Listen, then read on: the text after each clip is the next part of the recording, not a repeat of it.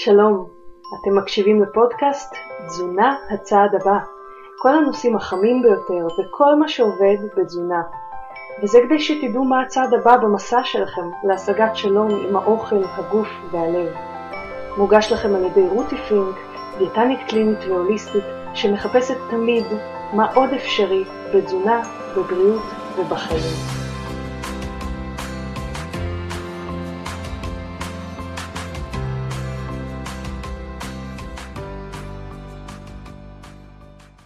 היי חברים, רותי פין כאן. זה הפרק הראשון של הפודקאסט תזונה הצעד הבא. הפרק הראשון יהיה שונה מהפרקים האחרים, כי המטרה שלו בעצם זה שאנחנו נכיר. אני קודם כל אספר לכם מה צפוי בפודקאסט הזה, מה יהיה המבנה שלו, מה יהיה בכל פרק, ואז אנחנו נמשיך לפרק הזה, לנושא המרכזי של הפרק הזה, שיהיה באמת קצת שונה מהפרקים האחרים. אז קודם כל, בכל פרק אה, יהיה, יהיו שלושה חלקים. החלק הראשון יהיה הנושא החם, כלומר זה יהיה או מחקר או איזושהי כתבה, אפילו ynet או מאקו, שאתם רוצים שאני אתייחס אליה או שאני מוצאת לנכון להתייחס אליה. מה הדברים שאפשר לקחת ממנה, מה הדברים שלא כדאי לקחת ממנה. זה ככה בשביל שאנחנו נהיה מעודכנים בכל מה שחם, כל מה שחדש, כל מה שמעודכן. החלק השני של הפודקאסט יהיה שאלות של מאזינים. אתם כבר מוזמנים לשלוח אליי שאלות. בסוף הפרק תמיד יופיע איך לשלוח אליי שאלות בקלות או בפשטות. וכל מה שעולה לכם, כל מה שלא הבנתם או אתם מתעניינים בו מהפרק הקודם או הפרקים הבאים, משהו אחר שאתם רוצים לשאול, כל זה אנחנו, אני אענה בהרחבה לשאלות. אתם גם יכולים לשלוח שאלות אישיות, במידה ויהיו מספיק פרטים אני אענה במסגרת הפודקאסט, כמובן זה לא מחליף דעה רפואית, זה לא מחליף טיפול אישי, אבל זה יהיה איזשהו ככה אולי כיוון מחשבה אה, חדש עבורכם. החלק השלישי של הפודקאסט יהיה נושא אחד שאנחנו נעמיד בו באותו שבוע, או איזשהו רעיון או עם איש מקצוע או עם אה, אה, אדם מעניין עם ידע או סיפור חיים שממנו אפשר ללמוד משהו לטובת התזונה שלכם. המטרה בעצם של הפודקאסט הזה היא שתדעו איך אה, לשדרג, איך לדייק, איך להטיב את התזונה שלכם ואת איכות החיים שלכם הנובעת מהתזונה ואיך להתקדם במסע התזונתי שלכם. ואחרי שתשמעו את הפרק הזה, אני חושבת שאתם תבינו למה אני מתכוונת כשאני אומרת מסע תזונתי. אז היום אני רוצה שנעשה היכרות אישית. אני אספר לכם על התהליך שעברתי כדיאטנית, ומה מביא אותי לחפש כל הזמן בעצם את החדש בתזונה. מה, מה הדרייב הזה בעצם? למה זה? כי אני חושבת שיש מה ללמוד מאחורי זה. אז uh, אני דיאטנית קלינית, שזה אומר שלמדתי, אני למדתי אישית באוניברסיטה העברית, סיימתי תואר ראשון לתזונה, עשיתי את הסטאז' של משרד הבריאות, uh, וזה אחד הכובעים שלי. כשאנשים שומעים דיאטנית קלינית או תזונאית קלינית, הם ישר חושבים תפריט. כלומר, מה, אבל תגידי לי, מה לאכול בבוקר, מה לאכול בצהריים, מה לאכול בערב. וכבר חשוב לי להדגיש שזה פסיק קטן ממה שדיאטן עושה, ממה שתזונאי עושה, ואני חושבת שאנשים לא קולטים את זה. אה, ואני רוצה ככה באמת להרחיב אה, מה אני עושה, לא, ולא רק אני, רבים וטובים. רוב הדיאטנים כיום אה, עוסקים פחות בתפריט ויותר בשאר הדברים שאני אדבר עליהם כבר עכשיו. אבל אני קודם רוצה לספר לכם למה בכלל הלכתי ללמוד תזונה. אה, כי כשאנחנו חושבים על אה, דיאטנים, או חלק מהאנשים שבאים אליי חושבים שוואלה, יש פה איזה שוטרת שרוצה להצליב באנשים שזה מה זה לא אני. אה, אני הלכתי ללמוד תזונה, אני תמיד התלבטתי אם ללמוד רפואה או פסיכולוגיה. הציונים שלי אפשרו לי לעשות את זה, אבל כל הזמן רציתי את השילוב ביניהם, לא יכולתי לבחור. והיה לי ברור שתזונה היא חלק שכל כך משליך על החיים שלנו, על, על שאר החיים שלנו, הוא מקושר לכל כך הרבה דברים רגשיים, לכל כך הרבה חוויות, לכל כך הרבה דברים לא מודעים, שזה בדיוק יהיה החלק שבו אני יכולה לטפל ולרפא, אולי בעזרת התזונה, אבל עדיין לגעת בנפש. אני מעולם לא התחרטתי כשהלכתי ללמוד תזונה. אה, כי מצאתי את היכולת הזאת לשלב את שני הדברים האלה ביחד לשמחתי. אבל כשהגעתי לאוניברסיטה אנחנו לומדים שם המון המון דברים, אנחנו לומדים אה, דברים של רפואה, אנחנו לומדים דברים של כימיה, של ביוכימיה, של ייצור מזון, של תזונה, אה, והיה שם יחסית מעט קורסים שעסקו בנפש.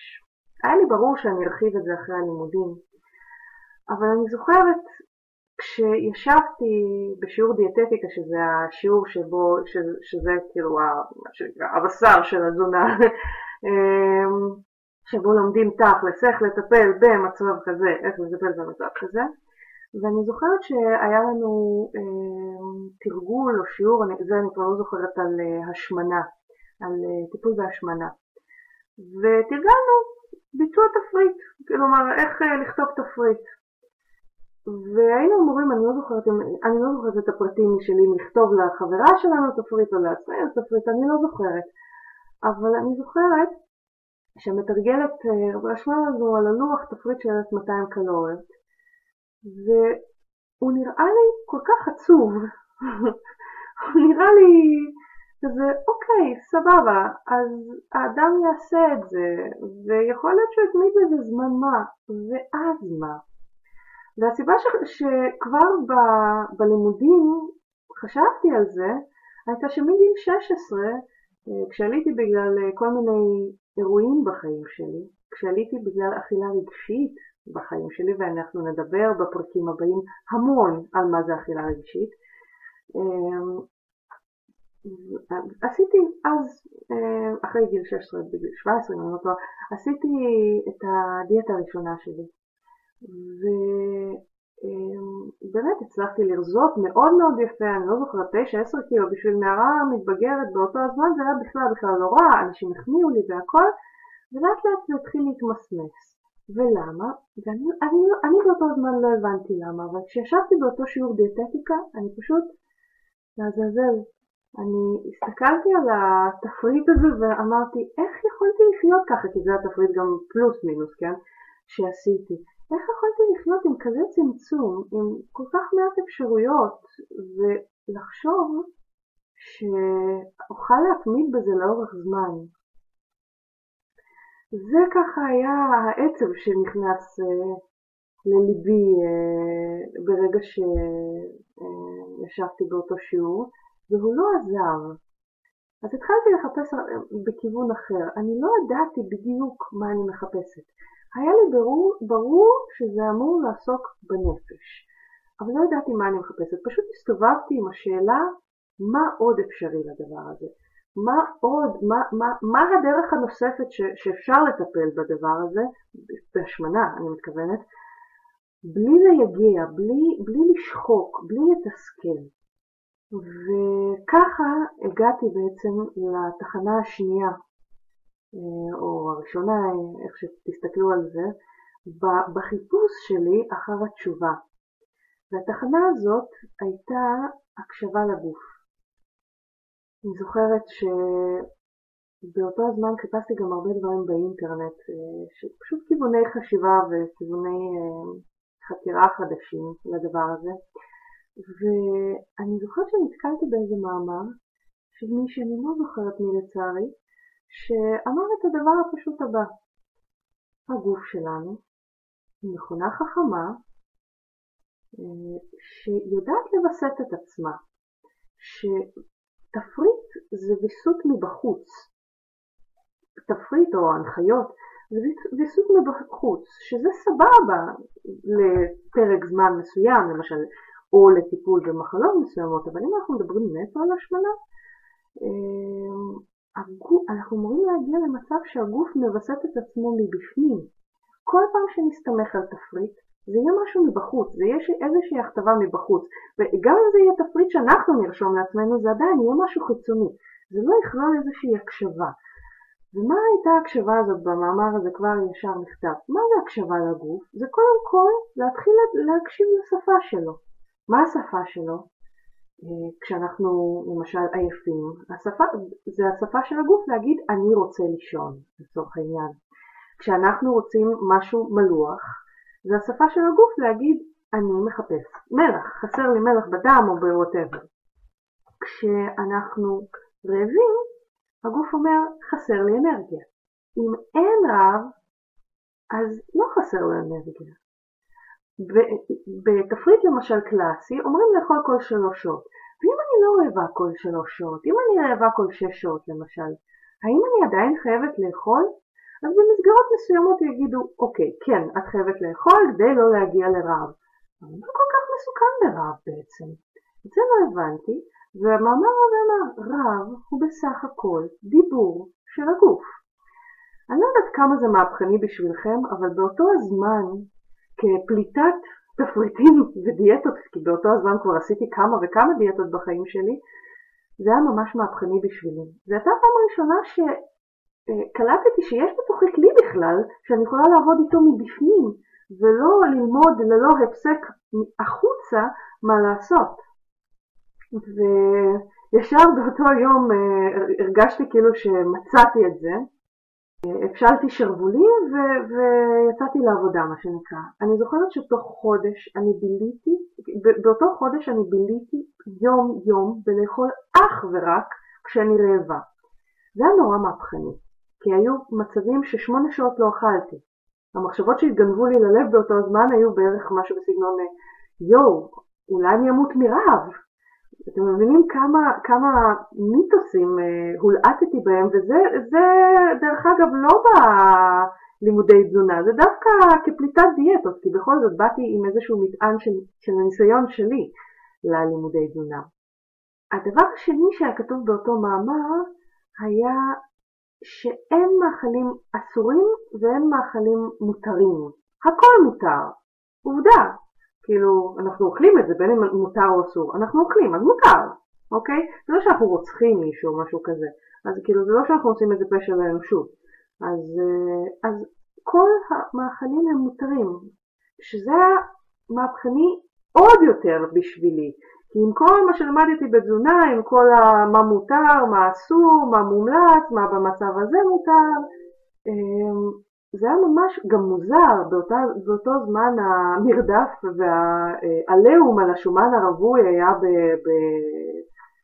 בשיאו, והיה לי ברור שלמשל חמאה זה אסור. חמאה הייתה מאכל אה, מאוד מאוד נפוץ בילדות שלי שגדלתי באוקראינה, אה, והיא הייתה, הייתה מקושרת להמון גם זיכרונות ילדות.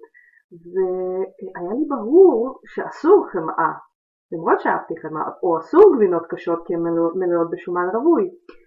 ואני זוכרת את הפעם ההיא שהלכתי וקניתי גבינת אה, אה, שאני כל כך אוהבת, וטעמתי ממנו והרגשתי כאילו שאני מבצעת פצע, פשע נגד אנושות. אה, ו... אבל הזכרתי לעצמי, היי, אין מאכלים אסורים. הכל מותר. אמנם לא הכל מועיל, אבל הכל מותר, בדיוק כמו שהיה כתוב במאמר הזה. והפלא ופלא, באותו חודש שאכלתי הרבה יותר מגוון, הרבה יותר טעים, הרבה יותר שומני אה, ממה שהייתי רגילה, ירדתי יפה במשקל. אז התחלתי לחפש יותר ויותר על הסיפור הזה, וככה הגעתי לתחנה הבאה אה, בתהליך, אה, תחנת ה-Non-Diet Approach ואכילה אינטואיטיבית. המובילה הגדולה שלה, אני חושבת זה ג'נין רות, בארצות הברית ובישראל איילת קלטר. אה, ככה נחשפתי לכתיבה של איילת קלטר, יש לה כמה וכמה ספרים, תחפשו אותו בגוגל. מאוד אהבתי את הרעיון הזה של אוקיי, יש לי כלי פנימי, אולי אני אהיה בקשב לגוף ו- ואוכל את מה שהגוף שלי מבקש. ו- וזה כל מה שאני צריכה, ואני לא צריכה איזה תפריט או משהו כזה. ועדיין non-diet approach ואכילה אינטואיטיבית אומרים את הדבר הבא, אנחנו לא בדיאטה, אנחנו לא במותר ואסור, אין משקל יעד. הגוף ימצא את משקל היעד תוך כדי שאנחנו אוכלים לפי הרע והסוב ולפי ההנאה שלנו, והמטרה של כל זה היא לא ירידה במשקל, כי אם אנחנו מחפשים ירידה במשקל אנחנו נכנסים ליותר ויותר אובססיות אה, של אה, אוי חטאתי, זו שפה מאוד מאוד אופיינית לשפת הדיאטה. אמ, חטאתי, פשעתי, אסור לי, מותר לי, אני בסדר, אני לא בסדר, כל הדברים האלה הם מאוד פוגעים באיכות החיים כי הם מאוד משפיעים על הביטחון העצמי שלנו, על היכולת שלנו ליהנות מהגוף שלנו, ו-non-diet approach ואכילה אינטואיטיבית אומרים את הדבר הבא, הגוף שלנו הוא מכונה קדושה, אנחנו רוצים אה, להזין אותו, ופה התחבר לי המשפט הזה של הכל מותר, לא הכל מועיל. נכון, קרואסון מותר. האם זה מה שהכי היטיב עם הגוף שלי מבפנים? האם זה מה שהגוף שלי הכי הכי רוצה? האם זה יגרום לי להרגיש טוב אחרי זה, אחרי שאני אוכל אותו? ובמצב כזה אה, הייתי יציבה המון זמן במשקל. אנחנו נדבר על הגישה הזאת הרבה כי אני חושבת שאפשר לשלב אותה בהמון דברים. אני ככה רק סוכרת לכם בקצרה את הגישות שאני מכירה, שאני עובדת איתן, ואת הניסיון שלי איתם. איך היה לי במצב הזה? היה לי חופש משקילה, שזה כל זה חופש מדהים. היה לי עבודה על קבלת הגוף, עבודה על אהבה לגוף, לא משנה מה הצורה שלו, השמנתי קצת, הרזיתי קצת, למרות שהמשקל שלי היה מאוד יציב באותה תקופה, אה, עם כל המאכלים שאכלתי. אני הרגשתי שאני לא עסוקה, אני לא מסתובבת סביב אוכל, לא חושבת באובססיבית, אוקיי, מה אני אוכל בארוחה הבאה, מפנטזת על הארוחה הבאה. זה, מה שהיה הכי משמעותי בכל הסיפור הזה היה החופש. ומה שלמדתי זה ש...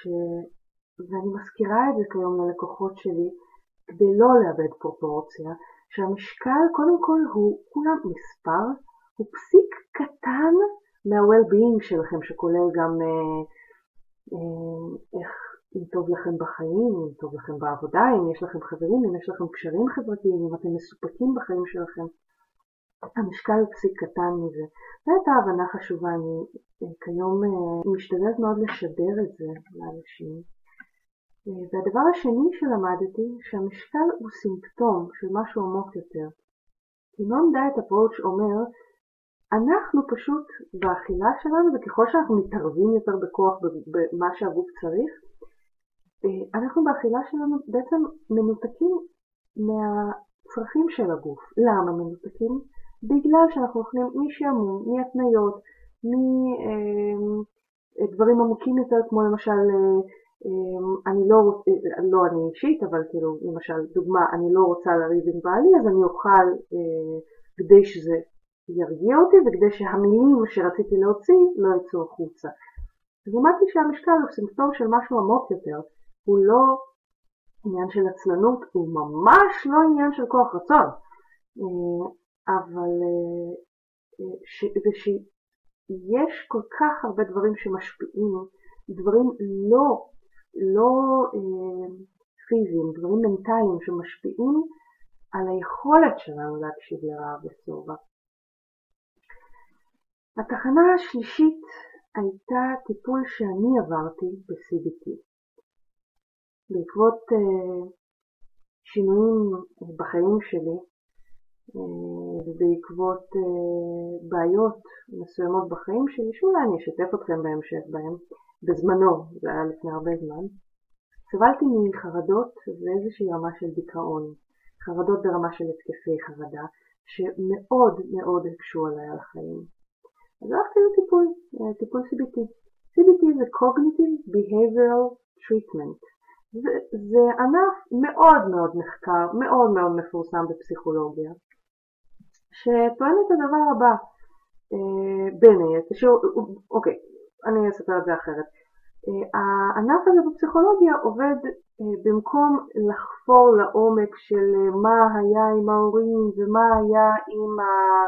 אה, ומאיפה הדברים הגיעו, אה, הוא מתמקד הרבה יותר בכאן ועכשיו ובזכות זה הוא גם קצר יותר. אני לא בטוחה כמה הוא נורא מעמיק, אבל הרבה פעמים הוא מספיק לכל מיני דברים.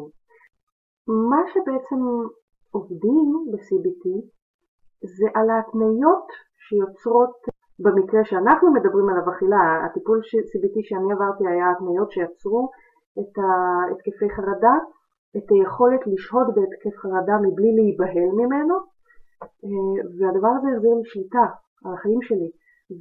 ויכול, כמה שיכולה להיות, ויכולת להיות שם עם מה שיש, עם, עם, עם, כשעולה חרדה.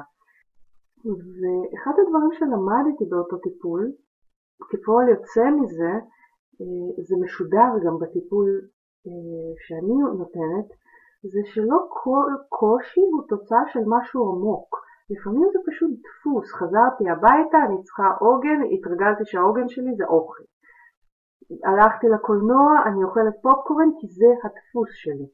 ו-CBT בעזרת שינוי של מחשבות או אמונות אה, עובד על היכולת שלנו לשנות רגשות ולשנות התנהגות. אוקיי? דבר נוסף שעובדים עליו ב-CBT, ואני מאוד אוהבת לעבוד על זה דווקא עם uh, מטופלים, זה הטיפול בדחפים. Uh, הבעלי הזה, שאנחנו uh, כל כך uh, נלחמים איתו לפעמים, uh, הוא כולה דחף, הוא כולה דפוס. וה-CBT נותן מענה מה לעשות עם הדפוסים האלה, עם הדחפים האלה, מבלי שאנחנו ניסחף אל תוכם. אז זה ככה הייתה התחנה השלישית עדיין ברמה הנפשית.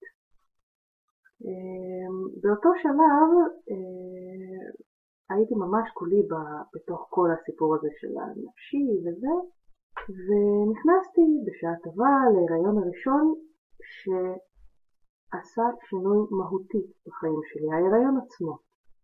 למה? כי עד אז הייתי במשקל תקין, שמרתי על המשקל הזה, פלוס מינוס, על ידי הקשבה לגוף, ובהיריון פשוט לא מצאתי את הידיים והרגליים מבחינת הקשבה לגוף. יום אחד הייתי רעבה ושבעה ביחד, יום אחד שבעה ורעבה ביחד, יום אחד רעבה, רעבה, רעבה וכל היום אוכלת ובכלל לא מרגישה שובע למרות שטחנתי, יום אחר היו לי בחילות ורעב במקביל, היה שם איזשהו בלגן גדול. וההיריון הזה אה, אני חושבת שהוא הנחית אותי קצת על מהאולימפוס שטיפסתי עליו באותו הזמן, במחשבה שוואלה, אה, מצאתי את הדרך, אה, כל, כל מה שאנחנו צריכים זה רק להקשיב לגוף. מה שלמדתי זה שלפעמים אנחנו חושבים שאנחנו עלינו על הגל, ואז בא משהו וטורף את הכנפים, ושאנחנו לא יודעים הכל, ואני כאשת מקצוע לא יודעת הכל. זה מאוד מאוד מאוד איפס אותי מבחינת הצניעות שלי בידע, כלומר, היי, hey, אני, יודעת פסיק קטן מכל, מכל מה שיכול לעבוד, פסיקון. וזה העיר רצון אדיר להמשיך וללמוד, להמשיך ולהתחדש, להמשיך ולחקור עוד ועוד. אה, והדבר השני שלמדתי זה באמת שיש הרבה דברים פיזיים, כמו הריון, כמו הורמונים, שיכולים לשבש בצורה מהותית ביותר את הסימנים של הגוף, הרע ושובע, ולכן ההקשבה לגוף היא בסיס, אבל היא לא, היא בסיס והיא המסגרת לכל שינוי תזונתי, אבל שחייב אה, לבוא שם איזשהו שינוי תזונתי, ויש מקום להכניס איזושהי חשיבה אנליטית, או יותר נכון של ידע, של מדע, לעניין של האכילה שלנו. אז אה, בעצם הלכתי באותו שלב מהממש ממש בפנים, הכל נמצא בפנים, כל התשובות בפנים, שאני עדיין מאמינה בזה. אבל בחוץ יש כלים שיכולים לעזור. התחנה החמישית, זמן מאחרי ההריון, הייתה מעבר לטבעונות. אה, עברתי לטבעונות אה, בעקבות אה, הרצאה נורא מפורסמת שבטח חצי עולם ואשתו ראו, של גרי יורובסקי, ש... לא, לא היה בו עד די כך הרבה דברים מדעיים אה, שהרשימו אותי כמו הדיבור המוסרי. זה הרגיש לי נורא נכון. אה, למה לפגוע בבעלי חיים אם אנחנו יכולים לחיות בלי זה? הרי זה כל כך אקולוגי, זה כל כך שומר על הסביבה. זה הכניס אותי למסלול של כמה שנים של אה, טבעונית, ש... בעיקר יצרו אצלי תחושת שחרור גדול, שחרור מהאשמה שנוצרה בעקבות ההרצאה של גרי אורובסקי, של איך לעזאזל אני יכולת חיות אם אני יכולה בלי, אה, אני מקבלת מלא מלא דברים של החיות האלה עם החיות האלה, לכאורה רעלים וכן הלאה. אז היה תחושה של שחרור באכילה של הטבעונות, ואני אודה ואתוודה שהיה שם עוד משהו שאני חושבת שטבעונים רבים מרגישים, אני לא יודעת אם בצדק, אבל אני יכולה להגיד שאם ככה במחשכי מחשכי אה, נפשי, ולא הודיתי בפני עצמי אה, בזה אז, זה רק בדיעבד אני מסתכלת על זה וחושבת על זה, אה, אני חושבת שהייתה גם תחושת עליונות. של הנה, אני מצילה את הפלנטה בערך, כאילו אני חוסכת זיהום, אני חוסכת uh, סבל, מה איתכם? והייתי, וזה גרם לי ככה גם לתת הרצאות לטובת הטבעונות, שאני אגב לא נגד נגדה, אני חושבת שהיא מתאימה להרבה אנשים, אבל תכף תשמעו מה, מה היה לי, הניסיון שלי בטבעונות. אז זה ככה היה האיך, איך היה לי בטבעונות. אבל בלי ששמתי לב ובלי שבאמת רציתי להודות לעצמי, אה, בפני עצמי בסיפור הזה, הלך ועל, הלכה ועלתה לי תחושת הרעב. פשוט כל הזמן חיפשתי אוכל. ואחרי, אם אני לא, לא טועה, שנתיים, משהו בסגנון הזה של אה, טבעונות, עשיתי בדיקה באותו הזמן אה, ככה התעניינתי וכל מיני דברים, ועשיתי בדיקה של משהו שנקרא פרוקטוזמין. פרוקטוזמין זה חלבון שסוכר יכול להידבק אליו, זה חלבון שאורך החיים שלו הוא שלוש שבועות.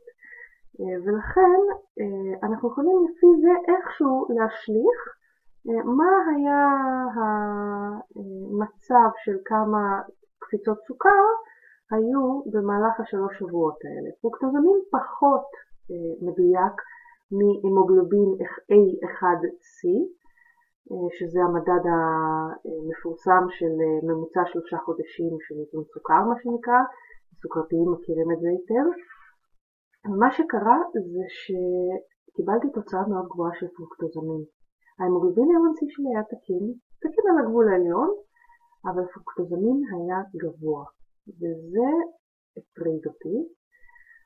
אז אה, פשוט הקפדתי לא לאכול מתוקים, ואמרתי, אוקיי, טוב, המוגלובין A1C תקין, הכל בסדר. וזה גם מה שהיה, אפילו התייעצתי עם כמה רופאים, וזה גם מה שהם אמרו. ואפילו מצאתי איזה מחקר אחד שבו הראו שפרוקטוזמין והמוגלובין A1C לא תמיד אה, אה, בקורלציה, כאילו לא, מתאים, לא תמיד תואמים, ואמרתי יאללה, בסדר, לא, אה, לא קרה שום דבר, אני, אני בריאה ושלמה. אני תכף אספר לכם מה באמת היה, אבל לפני זה עברתי דרך תחנה נוספת, וזו תחנה שמאוד מאוד שינתה לי את החשיבה בחזרה אה, פנימה. הלכתי ללמוד תטא הילינג. למה הלכתי? תכלס, אני לא יודעת. משהו קרה לי ללמוד את זה. תטא הילינג זה שיטה של טיפול אנרגטי שכולל גם איזושהי רמה של תקשור עם הגוף, אבל לא רק, אבל המטרה שלו זה בעיקר ריפוי. הלכתי ללמוד כי אמרתי, וואלה, אולי זה משהו אחר נוסף. אה, כי אני בן אדם באופן כללי שאני פתוח לדברים, כאילו, רוצה לנסות דברים. אה, אני לא אתעכב יותר מדי כי הפודקאסט הזה נועד להיות קצת יותר ככה לכיוון הידע והמדע אה, ופחות רוח למרות שבטוח יופיע שם הרבה, פה הרבה מזה. אני לא אתעכב כל כך על הקורס עצמו אבל אחת החוויות החזקות שיצאתי איתן מהקורס היה אה, היכולת לראות מה קורה בגוף בלי צילומי אה, אה, אולטרסאונד, בלי CT, מסתבר שאני די מדויקת בזה, כאילו אני יכולה אשכרה לראות מה קורה בגוף של אנשים אם אני רוצה, אני לא עושה את זה בלי רשות או משהו כזה. למשל אם יש איזשהו גידול, לבדוק מה טיבו ודברים כאלה. ולענייננו, לענייני התזונה, למשל, אני יכולה לראות ולהשפיע בעזרת טיפול Theta Healing על האמונות שיושבות ברקמת השומן ובגוף שלו מאפשרות ירידה במשקל.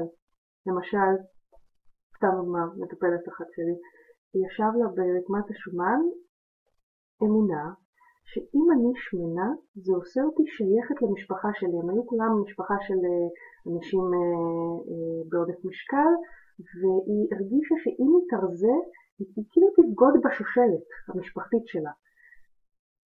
דברים כאלה לוקח כמה וכמה פגישות לעלות עליהם בדרך כלל בחדר הטיפולים, וכזה אפשר לעלות על זה די מהר, ואז גם לטפל בזה. אבל אה, זו שיטה שלא באמת לא כולם מתחברים אליה כי יש בה המון המון רוח ויש אה, אנשים ציניים יותר שככה, אה, אני לא מאמין בזה, וזה לגיטימי, כל אחד וה...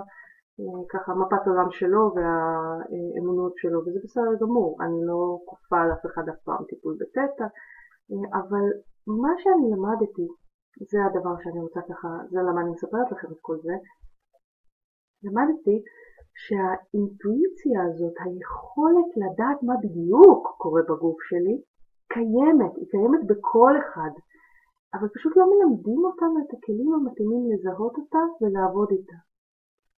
בשלב הזה תהיתי איך אני יכולה ללמד את המטופלים שלי את הדבר הזה, ועוד לא הייתה לי תשובה, ואני אספר לכם מה קרה עם זה אחר כך. אבל בשלב הזה, ככה רוח רוח, אבל החיים הנחיתו אותי חזק מאוד לרצפה. כי התחנה הבאה במסע התזונתי שלי הייתה הריון עם סכרת הריון. זוכרים את הפרוקטוזמין שאמר שאה, יכול להיות שיש לי קבוצות סוכר וחשבתי בסדר, לא נורא, לא קרה שום דבר, ההמוגלובין A1C תקין? אז הוא לא היה תקין. והסכרת התגלתה לצערי רק בסוף ההיריון. בהעמסת הסוכר הרגילה שעושים בשבוע 24 בדרך כלל, או סביב השבוע 24, יצאתי משהו שנקרא false negative. זה אומר שהתוצאה יוצאת שלילית, אבל השלילי הזה טעות. בכל בדיקה, בכל בדיקה, שבודקים נגיד אם יש מחלה או אין מחלה, יש משהו שנקרא false positive, שזה אומר שיוצא שהמחלה חיובית וזה טעות, ו-false negative, שזה אומר שיוצא שאין מחלה, אבל זה טעות. אוקיי? לכל בדיקה יש אחוזים קטנים מאוד, משתמשים כיום באחוז, בבדיקות שיש להם אחוזים קטנים של false negative ו-false positive, אבל לצערי אה, במקרה שלי n שווה 1 סטטיסטיקה הייתה בחלק הרע שלי, יצאתי false negative, לא ידעתי את זה, אה, ילדתי בקיסרי עובר גדול בגלל שהסכרת התגלתה ביום שירדו לי המים. אבל נתן לי חתיכת אה, לטמה לפרצוף.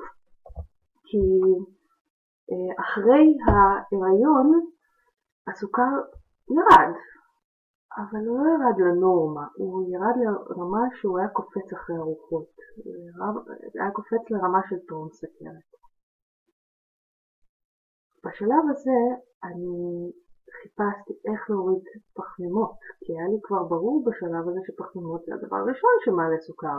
אז הורדתי מתוקים, זה לא עזר, עדיין היו עליות של סוכר. איך אני יודעת? כי מדדתי במכשיר אה, ניטור סוכר. אנחנו נדבר בפרקים הבאים על זה הרבה, אה, על המשמעות של זה, על החשיבות של זה, ולמי בכלל כדאי. אבל הלכתי והורדתי פחמימות והסוכר לא זז, לא השתפר. אה, אמרתי אולי זה טעות במכשיר, החלפתי מכשיר, שום דבר, לא השתפר. וככל שהורדתי פחמימות, פחות רעבה. ואז הלכתי, כהרגלי בקודש, כהרגלי ברותי, אה, והלכתי לקרוא על תזונה דלת פחמימות. אני רק רוצה להגיד לכם שעשר שנים הכרתי את דלת הפחמימות, אבל אמרתי לעצמי, אין סיכוי שאני מצליחה להתמיד בזה עם אהבה של פחמימות. אין סיכוי. יום אחד התמדתי בזה, בבוקר, כאילו, בעבר, לפני התוצאות של סכרת הריון, איזה חמש, שבע שנים אחורה, אמרתי, וואלה, מעניין לנסות, ולא עמדתי בזה עד הצהריים בכלל. למה? עשיתי מלא טעויות שאנחנו נדבר עליהן בפרקים הבאים של איזה טעויות אדם עם תזונה דלת פחמימות יכול לעשות. אבל uh, הפעם עשיתי את זה נכון, הפעם הורדתי פחמימות אבל החלפתי אותן בשומן. Uh, האויב הגדול של התזונה, תאורטית. Uh, שאנחנו נדבר כמה זה לא נכון, אבל וככל שהורדתי התחלתי להרגיש סוף סוף אחרי שנים מאז הטבעונות יותר שבעה, עד לרמה שעברתי לאכול שתי ארוחות ביום, שלוש ארוחות ביום גג. ולאט לאט הגעתי למצב שנקרא קטוזיס. והאמת היא שבלי להתכוון, אה, בקטוזיס, והפרק הבא יוקדש לתזונה דלת פחמימות וקטוזיס, מה זה, מי זה. קטוזיס, בקצרה, זה מצב שבו הגוף משתמש בשומן ותוצרי הפירוק שלו, שזה נקרא קטונים, להזנת הגוף במקום סוכר. ורק כשהגעתי למצב הזה, שזה מצב אולטרה דל פחמימות, אה, רק כשהגעתי למצב הזה, הסוכר סוף סוף התאזן. איך היה לי בקטוזיס? קודם כל, הקטוזיס עצמו, ההרגשה המדהימה שהייתה לי בקטוזיס, גרמה לי אשכרה להתחיל לחפור חזרה לתוך מחקרים, לתוך ביוכימיה, לתוך פיזיולוגיה, אה, ולבחון מחדש חלק ניכר ממה שלמדתי על התזונה. כי, כי קטוזיס זה כמו, נגיד סוכר וקטונים או שומן, זה כמו סולר ודלק. כאילו דלק זה מנוע מסוג אחד, סולר זה מנוע מסוג אחר, וזה מנוע, נגיד הקטוזיס, אה, מנוע שבקושי למדתי עליו באוניברסיטה, בטוח לא את הפיזיולוגיה שלו, רק את הביוכימיה שלו. התחושה הייתה של אנרגיה מאוד מאוד גדולה, הסוכר התאזן והייתה תוצאה נוספת מאוד מאוד נחמדה, הייתי באיזון נפשי, לא היו איזה פיקים גדולים של אה, אה, מצב רוח, אה, ממש כמו, כמו תופעה נגד דיכאון או משהו כזה. הרגשתי שבעה, ירדתי במשקל אז, והכי הכי חשוב, הסוכר היה מאוזן. מה שהדבר החשוב ביותר שלמדתי מזה, היה שלא כל ההנחיות של הגופים הגדולים, של דל שומן בזמנו וכן הלאה, תמיד מסתמכים רק על מחקרים העדכניים ביותר, שיש רמה מסוימת של דוגמטיות בממסד. אני לא חושבת ש, שרופאים עושים את זה בכוונה, או הרוב המוחץ של הרופאים לא עושים את זה בשביל האגו שלהם, ורוב התזונאים לא עושים את זה בשביל האגו שלהם, אלא בגלל שברגע אנשים חוששים ממשהו חדש, נגיד אדם, רופא, דיאטן, שרגיל לעבוד בשיטה מסוימת, ואז אומרים לו, אוקיי, יש מחקרים שאומרים שיש שיטה יותר טובה, ייקח לו זמן ללמוד לעבוד איתה, וייקח לו זמן ליישם אותה עד שהוא ירגיש בטוח איתה. זה הסיבה לדוגמטיות, אה, היחסית, שוב, בממסד. אני לא חושבת שהממסד הוא נגדנו, אני עובדת במכבי, כאילו, אני עובדת בממסד, אבל אני כן חושבת שלא כולם לגמרי לגמרי מספיקים לקרוא את כמות המחקרים הדרושה וללמוד את כמות הדברים החדשים שיוצאים כל יום. אה, אבל זה ככה נתן לי סתירה בפנים של אוקיי, יש לי זכות אה, לתת המלצות לפי המחקרים העדכניים ביותר, שלא תמיד קומפלט קומפלט מסתדרים עם ההמלצות הרשמיות. אה, ולפעמים אפילו לכאורה נוגדים את ההמלצות הרשמיות, אבל מביאים לתוצאה טובה יותר. ובעיניי, אני אגיד לכם את האמת, בעיניי זה לא משנה מה עובד. אם המחקרים צודקים, אם הממסד צודק, לא מעניין אותי. מעניין אותי שהבן אדם, זה יעבוד לו, שזה לא יזיק לו, ושהוא יהיה מרוצה בסופו של דבר. עכשיו, הדבר הנוסף שלמדתי ככה מקריאה של ככה כל הפוליטיקה שמאחורי ההמלצות הרשמיות, שהטיות במחקרים יכולים לקרות גם, שחלק מהמחקרים ממומנים הרבה יותר מאשר חשבנו, שחלק מהוועדות שמוציאות את ההמלצות ממומנות יותר ממה שחשבנו.